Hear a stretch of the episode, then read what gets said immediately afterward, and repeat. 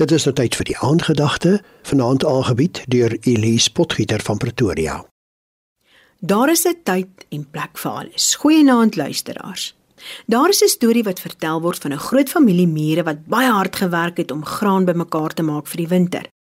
Hulle het die hele somer hard gewerk omdat hulle geweet het hulle kan in die winter rus wanneer dit koud is en wanneer daar nie genoeg kos is om bymekaar te maak nie. Toe die winter aanbreek, kom 'n hongersprinkaan en bedel by die mure vir kos. "Waarom het jy nie jou kos bymekaar gemaak in die somer nie?" vra hulle hom toe. "Want ek was te besig. Ek het gesing, musiek gemaak en daar was glad nie tyd om kos bymekaar te maak nie."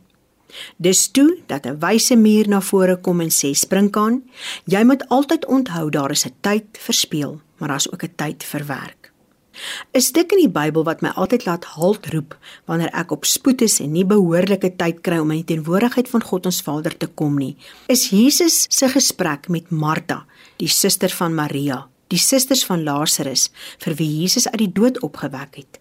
Ons lees uit Lukas. Op 'n dag het Jesus in 'n dorp gekom waar 'n vrou Martha hom as 'n gas ontvang het.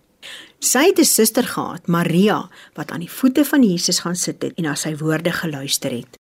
Maar Martha het in die kombuis rondgeskarrel om kosvoorbereidings te maak vir haar gaste. Ons moet onthou, daar was nie yskaste en vrieskaste waarin jy klaar voorbereide kos kon berg nie. Ook nie noemenswaardige apparaat wat hulp kon bied nie. So alles moes vars gaar gemaak word en die kosmaakproses was tydrowend. Dis toe dat Martha besluit genoeg is genoeg en sy vra: "Here, pla dit U nie dat my suster Maria my nie in die kombuis help nie?" En Jesus antwoord: Martha, Martha. Jy's besorg en bekommerd oor baie dinge, maar net een ding is nodig. Maria het die heel beste deel gekies en dit sal nooit van haar weggevat word nie.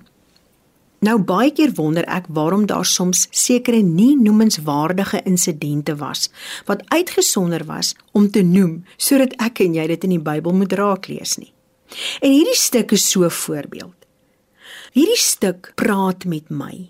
Ek het my eie besigheid met baie verantwoordelikhede en tot my skaamte is ek een van daardie mense vir wie mense altyd sê: "Ek weet jy's baie besig, maar kan ek net 5 minute van jou tyd kry?" As ek dan na my prioriteitslys kyk, het my sit by God se voete tyd geval tot op laaste van die lys en besef ek Jesus het weer vandag met my Martha geraas. En daarom bid ons vanaand, Vader in naam van Jesus Christus, help my Martha om hierdie jaar U en my medemens eerste te stel. Amen. Dit was die aandgedagte hier op RSG, aangebied deur Elise Potgieter van Pretoria.